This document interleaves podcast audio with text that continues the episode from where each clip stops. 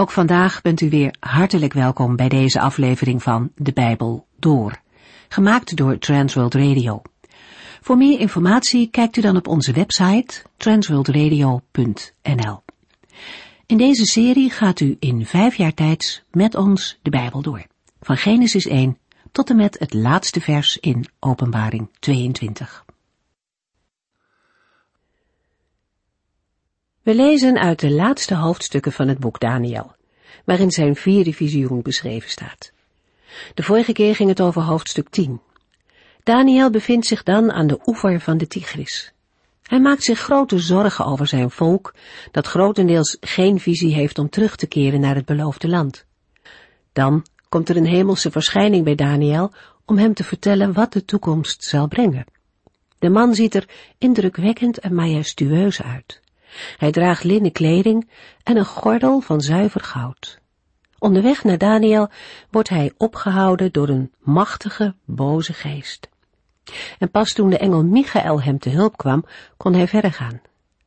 Omdat de Heer Jezus machtiger is dan welke boze geest dan ook, hebben we geconcludeerd dat het een engel is die bij Daniel komt. En die engel straalt zoveel heerlijkheid en grootsheid uit, dat Daniel niet op zijn voeten kan blijven staan en geen woord kan uitbrengen. Als we zien hoe indrukwekkend deze hemelse boodschapper al is voor Daniel, die toch al heel wat gezien heeft in zijn leven, hoe groot en ontzagwekkend moet God zelf dan wel niet zijn? Wij mogen vrijmoedig naar de Here gaan, maar het is ook goed om eerbiedig te naderen, met ontzag voor Gods grootheid. De engel raakt Daniel aan en noemt hem geliefde man van God.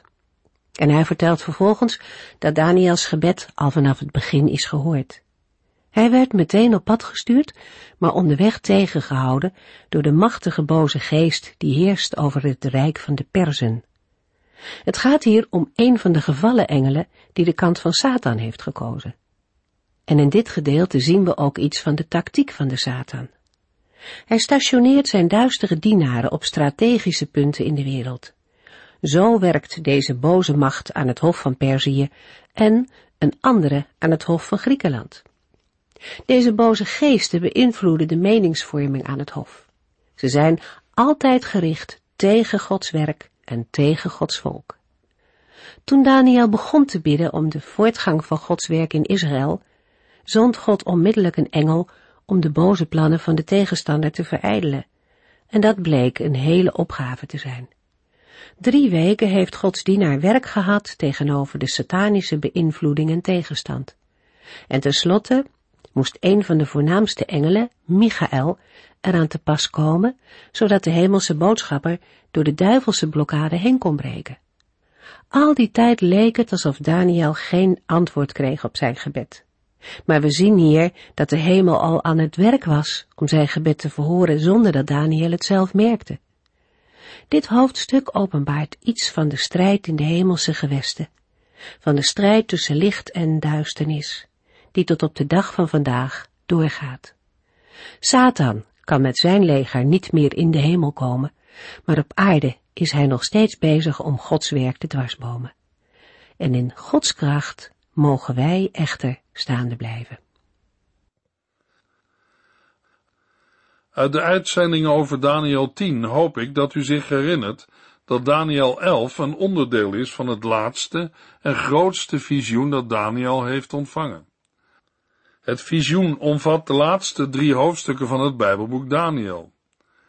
In een vorige uitzending is al uitgelegd dat Daniel 10 in feite niet meer is dan de inleiding van het visioen. We hebben ook gezien dat die inleiding op zichzelf zeker de moeite van het overdenken waard is. Maar in Daniel 11 begint het eigenlijke visioen. Het visioen omspant een groot tijdsbestek. In Daniel 10 vers 1 lazen we, in het derde regeringsjaar van koning Cyrus van Perzië kreeg Daniel een openbaring. Het ging over dingen die onherroepelijk in de toekomst zouden gebeuren, over tijden van grote nood. In het visioen krijgen we een overzicht van de wereldgeschiedenis, maar op een manier die totaal en radicaal verschilt van onze geschiedenisboeken. Onze geschiedenisboeken beschrijven de gebeurtenissen achteraf, als alles al voorbij is. De Heere laat de geschiedenis vooraf beschrijven. Bijbeluitleggers hebben over het vierde visioen dat Daniel zag wel eens gezegd, u leest er berichten uit de krant van morgen. Er wordt beschreven wat nog moet gebeuren. Er is nog een opmerkelijk verschil. Krant en geschiedenisboek geven namen en feiten. Vooral een geschiedenisboek geeft een nauwkeurige weergave en houdt daarbij rekening met wat belangrijk en minder belangrijk is. In Daniel 11 wordt niet alles uit een bepaalde periode genoteerd. Soms worden hele stukken en perioden overgeslagen, terwijl de gebeurtenissen in onze geschiedenisboeken wel als belangrijk gelden. Soms worden bepaalde onderdelen heel uitgebreid beschreven, die we dan in onze geschiedenisboeken niet of nauwelijks terugvinden. We kunnen zeggen dat in dit laatste visioen geschiedenis wordt geschreven vanuit een bepaald motief en met een bepaald doel. Daarnaast ontbreken namen en tijdsaanduidingen bijna geheel. Er valt niets te berekenen aan de hand van wat in Daniel 11 en 12 staat. Pas achteraf kan gezegd worden, dit is de vervulling van wat er in Daniel 11 en 12 staat. Met Daniel weten we de bedoeling van Daniel 11. Want in Daniel 10 vers 14 heeft de engel gezegd, ik ben hier gekomen om u te vertellen wat met uw volk in de eindtijd zal gebeuren. Daar gaat het in Daniel 11 om. Aan de andere kant weten wij vandaag meer dan Daniel van de betekenis van wat hij te horen krijgt, omdat de verklaring van heel veel gebeurtenissen ons met de vervulling in de loop van de eeuwen is gegeven. Daniel hoort bij de profeten, van wie 1 Petrus 1 vers 10 zegt, de profeten begrepen niet wat die redding inhield, hoewel zij er ijverig naar zochten en erover schreven, hadden zij nog heel veel vragen. Zij vroegen zich af wat de geest van Christus die in hen was bedoelde. En in vers 12, ten slotte werd hun duidelijk gemaakt dat die dingen niet tijdens hun eigen leven zouden plaatsvinden, maar pas veel later, in onze tijd. Over de indeling van Daniel 11 is het volgende te zeggen. Vers 1 vormt een inleiding. Vers 2 handelt over het Perzische Rijk.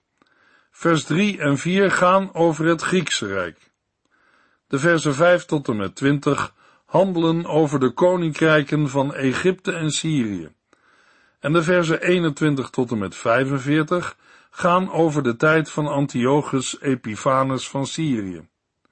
Naar onze maatstaven is Daniel 11 erg onevenredig verdeeld over de verschillende perioden en behandelt het hoofdstuk dezelfde tijd als Daniel 8, al gebeurt dat vanuit een andere invalshoek.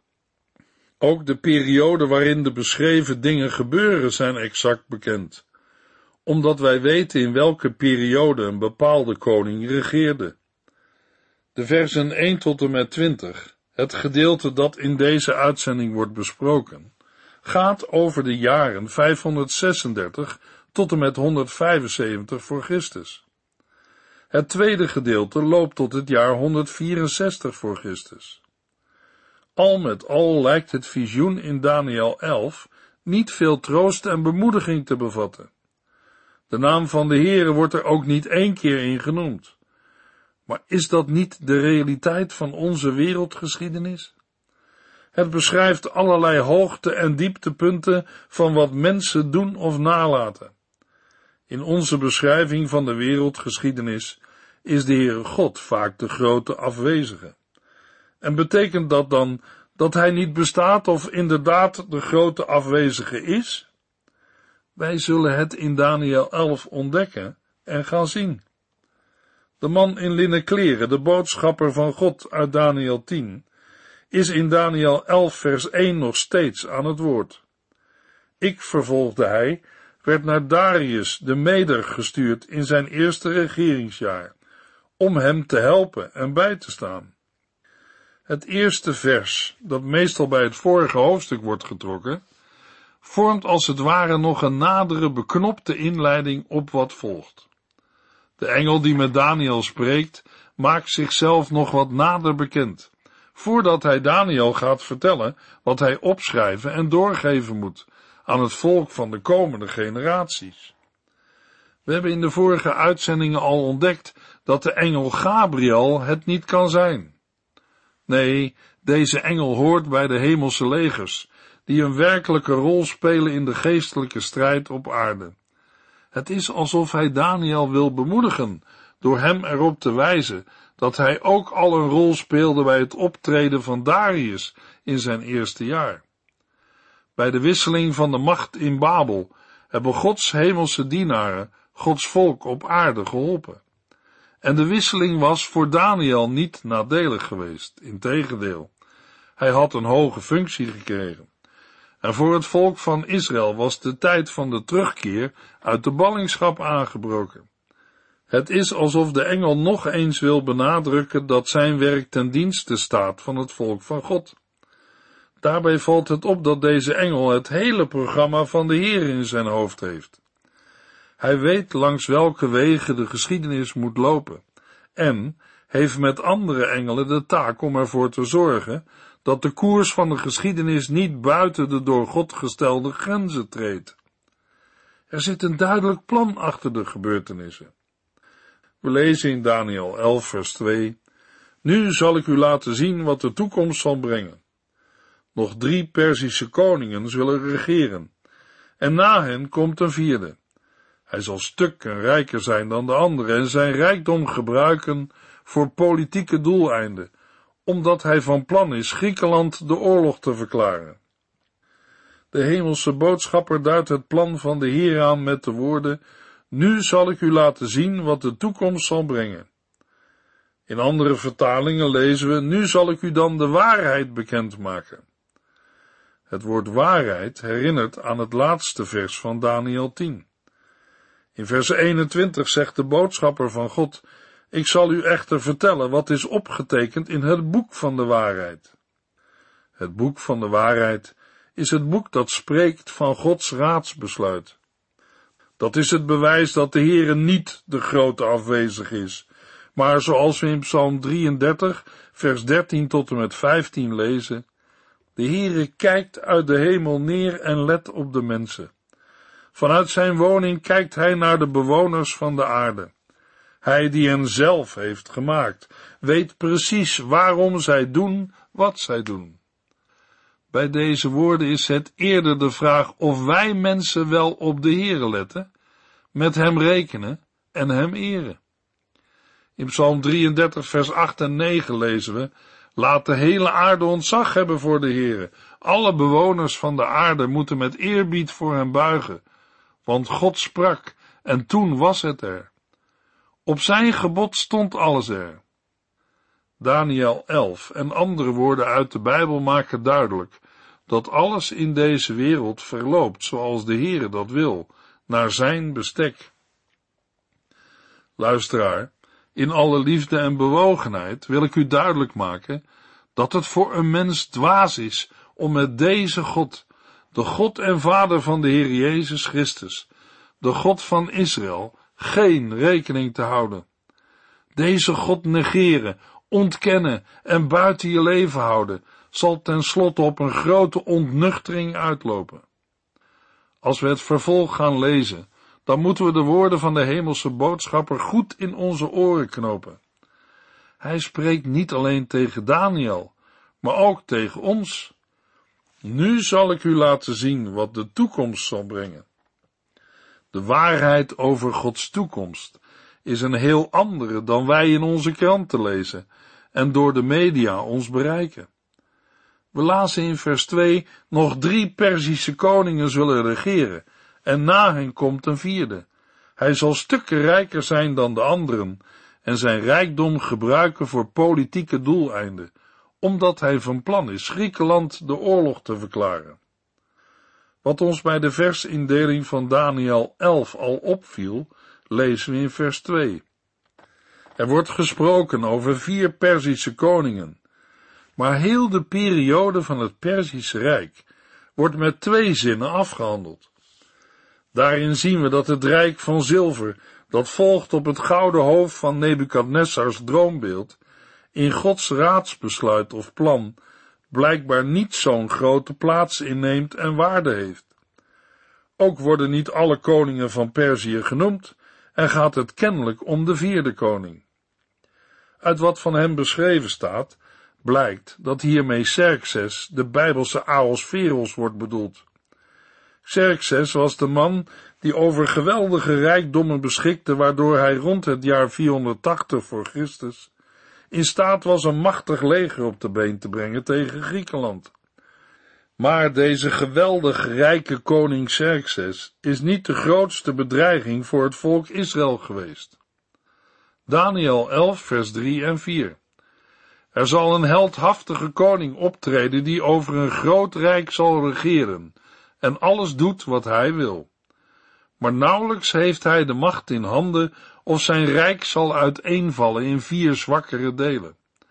Het zullen echter niet zijn eigen zonen zijn die erover regeren. De versen 3 en 4 gaan over een heldhaftige koning, die over een groot rijk zal regeren. In deze woorden herkennen we Alexander de Grote van Griekenland, over wie wij ook in Daniel 7 en 8 al hebben gelezen. Hij was koning van Macedonië, een staat in de noordoostelijke regio van Griekenland, en op de leeftijd van dertig jaar was hij de heerser van een van de grootste koninkrijken in de oudheid, een rijk dat zich uitstrekte van de Ionische Zee tot de Himalaya. Hij was ongeslagen in de strijd en wordt gezien als een van de meest succesvolle bevelhebbers aller tijden. Hij werd geboren in Pella in 356 voor Christus.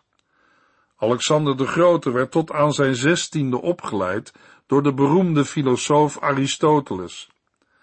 In 336 voor Christus volgde hij zijn vader Philippus II van Macedonië op, nadat deze was vermoord. Philippus had de meeste stadstaten van het vasteland van Griekenland en Macedonië onderworpen, door het gebruik van zowel militaire als diplomatieke middelen. Na de dood van zijn vader erfde Alexander een sterk koninkrijk en een ervaren leger. Alexander brak de macht van Perzië en veroverde het hele Perzische Rijk. Het Macedonische Rijk strekte zich toen uit van de Adriatische Zee tot de Indus. In een poging om het einde van de wereld en de grote buitenste zee te bereiken, viel hij in 326 voor Christus India binnen maar werd uiteindelijk gedwongen om terug te keren door de groeiende onvrede binnen zijn leger. Alexander de Grote is de verpersoonlijking geweest van het Griekse koninkrijk dat onder zijn regering tot grote macht kwam. Aan zijn heerschappij is abrupt een einde gekomen. Alexander de Grote overleed in Babylon toen hij 32 jaar oud was, waarschijnlijk aan een longontsteking. Na zijn dood is er nog wel een zoon geboren, maar deze werd vermoord voordat hij aan de macht kon komen. Het machtige rijk viel in vieren uiteen. Ook het rijk van Alexander de Grote was niet de grootste bedreiging voor het volk Israël. Geld en macht zijn wel machtsmiddelen die door Satan worden gebruikt, maar blijven betrekkelijk. Daniel 11 vers 5 en 6 van een van de vier, de koning van Egypte, zal de macht toenemen, maar een van zijn eigen machthebbers zal tegen hem in opstand komen. Deze zal de macht overnemen en er een nog machtiger rijk van maken. Verscheidene jaren later zal er een verbond worden gesloten tussen de koning van Syrië en die van Egypte. De dochter van de koning van Egypte zal worden uitgehuwelijkt aan de koning van Syrië, om de vrede te bezegelen. Maar zij zal haar invloed op hem verliezen, en niet alleen haar verwachtingen zullen worden beschaamd, maar ook die van haar vader, de koning van Egypte, haar ambassadeurs en haar echtgenoot. In vers 5 begint het langste onderdeel van de profetie over de toekomst. Niet omdat het in het grote geheel van het wereldgebeuren belangrijker is dan het voorgaande, integendeel. Maar dat grote wereldgebeuren van Xerxes en Alexander ging min of meer aan Israël voorbij. De naam van de heerser veranderde, maar de situatie niet. Wat volgt in vers 5 raakt Israël veel meer. Dat blijkt al uit de namen die aan de verschillende koninkrijken worden gegeven: Egypte en Syrië. In andere vertalingen lezen we over de koning van het zuiden en de koning van het noorden. Dat zijn aanduidingen die uitgaan van de ligging van het land Israël. Het zuiden is namelijk Egypte en het noorden is Syrië. Israël wordt niet met name genoemd, maar staat kennelijk in het middelpunt. De hemelse boodschapper, die hier aan het woord is, zegt tegen Daniel, let op, want het gaat om Israël. Wat de jaartelling betreft, zijn we dan inmiddels gearriveerd in de buurt van het jaar 300 voor Christus. De koning van het zuiden, waarmee deze geschiedenis begint, is Ptolemeus. Hij is een van de vier generaals van Alexander, die na zijn dood het koninkrijk verdeelden. Ptolemeus bemachtigt Egypte en is in de begintijd de voornaamste van de vier. Maar na verloop van tijd weet een van zijn legeraanvoerders Babel te veroveren, en van daaruit legt hij de grondslag voor het Syrische Rijk, dat groter en machtiger wordt dan Egypte. In vers 6 lezen we dat Noord en Zuid vriendschap sluiten. Dat gebeurt inderdaad onder de koningen Ptolemeus II en Antiochus. Ter bezegeling daarvan trouwt de Syrische koning met een dochter van zijn Egyptische collega. Hij moet daarvoor wel eerst zijn eigen vrouw wegsturen. Helaas blijft het gewenste resultaat uit, mede omdat de koning van Egypte overlijdt. Antiochus verzoent zich weer met zijn eerste vrouw, maar deze is haar vernedering niet vergeten en beraamt een aantal politieke moorden, zodat er geen concurrentie kan komen voor de Syrische troon. In vers 7 lezen we dat de Egyptische tak van de familie dit alles niet zomaar voorbij laat gaan. Haar broer zal koning van Egypte worden, een leger op de been brengen en oprukken tegen de koning van Syrië en deze verslaan. Hier begint het heen en weer walsen van de oorlogsmachine tussen Noord en Zuid, dat Israël zoveel kwaad heeft gedaan in de eeuwen voor de geboorte van Christus. Het gaat in de volgende verse aan één stuk door. Als er geen koning van het zuiden of Egypte onderweg is naar het noorden, naar Syrië, dan is er wel een koning onderweg van het noorden naar het zuiden, van Syrië naar Egypte. In vers 7 is dat Ptolemeus de derde van Egypte, die zijn zuster wreekt en de machtigste steden van Syrië inneemt. In vers 8 lezen we dat hij beladen met een grote buit aan Syrische afgoden, plus kostbare gouden en zilveren voorwerpen, terugkeert naar Egypte. Daarna zal hij de koning van Syrië vele jaren met rust laten. Maar als dan een volgende Syrische koning Egypte wil binnenvallen, wordt hij zo vernietigend verslagen, dat hij alleen met een restant van zijn leger terugkeert naar zijn eigen land. Ook voor Israël betekenen deze legerverplaatsingen en strafexpeditie onrust en problemen. Daniel 11 vers 10 tot en met 12 De zonen van de Syrische koning zullen daarna een reusachtig leger op de been brengen en van wapens voorzien. Daarmee zullen zij door Israël trekken en Egypte overspoelen. Uiteindelijk zullen zij de vesting van de vijand bereiken. Verbitterd zal de koning van Egypte zich verdedigen tegen de enorme Syrische troepenmacht en die verslaan. Trots op deze overwinning zal hij tienduizenden vijanden doden, maar zijn succes zal niet van lange duur zijn. De strijd tussen Noord en Zuid is nog niet ten einde. Zonen van de verslagen Syrische koning zien weer kans een grote troepenmacht op de been te brengen, en de ene, Antiochus de Grote, rukt op in de richting van Egypte en veegt als een vloedgolf de Egyptische troepen voor zich uit en overspoelt Egypte. Er volgt een verschrikkelijke veldslag waarin duizenden Syriërs sneuvelen. Maar de Egyptische koning maakt van zijn overwinning geen gebruik.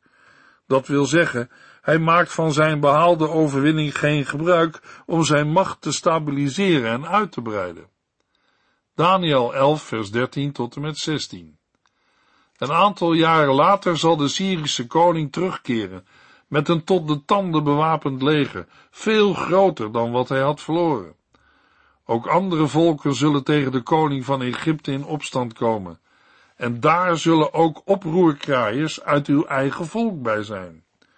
Zo zullen zij proberen een profetie te vervullen, maar hun plan zal niet slagen. De Syrische koning en zijn bondgenoten zullen een versterkte stad in Egypte belegeren en innemen. En zelfs de keurtroepen van Egypte zullen het onderspit delven. De Syrische koning zal, zonder op tegenstand te stuiten, verder oprukken. Niemand zal hem kunnen tegenhouden. Hij zal ook het prachtige Judea veroveren en plunderen. De versen 13 tot en met 16 laten zien dat Antiochus opnieuw met een groot leger oprukt in de richting van Egypte. De beschrijving is zo nauwkeurig van wat later ook werkelijk is gebeurd, dat wij bij het lezen bijna vergeten dat het profetie is. De gebeurtenissen in deze versen hebben ons weer twaalf jaar verder gebracht. Voor het eerst komt ook het volk Israël weer in het vizier. Er breken ook in Israël opstanden uit tegen de overheersing door Egypte. De engel zegt tegen Daniel, ook andere volken zullen tegen de koning van Egypte in opstand komen, en daar zullen ook oproerkraaiers uit uw eigen volk bij zijn. Zo zullen zij proberen een profetie te vervullen, maar hun plan zal niet slagen. Oproerkraaiers uit Israël grijpen zich vast aan profetieën die ze hebben gelezen of die door valse profeten zijn verkondigd. Maar de opstandelingen komen ten val. Maar Antiochus behaalt overwinning na overwinning. De engel zegt, niemand zal hem kunnen tegenhouden. Hij zal ook het prachtige Judea veroveren en plunderen. In andere vertalingen lezen we, hij zal ook stand houden in het sieraadland en er zal vernietiging in zijn hand zijn. Antiochus heeft Israël veroverd en in bezit genomen. Daniels profetieën die hij via de hemelse boodschapper van de Heere ontving, zijn in een periode van 125 jaar in detail vervuld. In de volgende uitzending lezen we vanaf vers 17 verder in Daniel 11.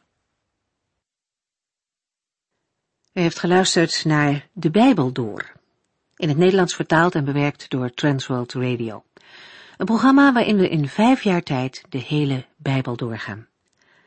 Als u wilt reageren op deze uitzending of u heeft vragen, dan kunt u contact met ons opnemen.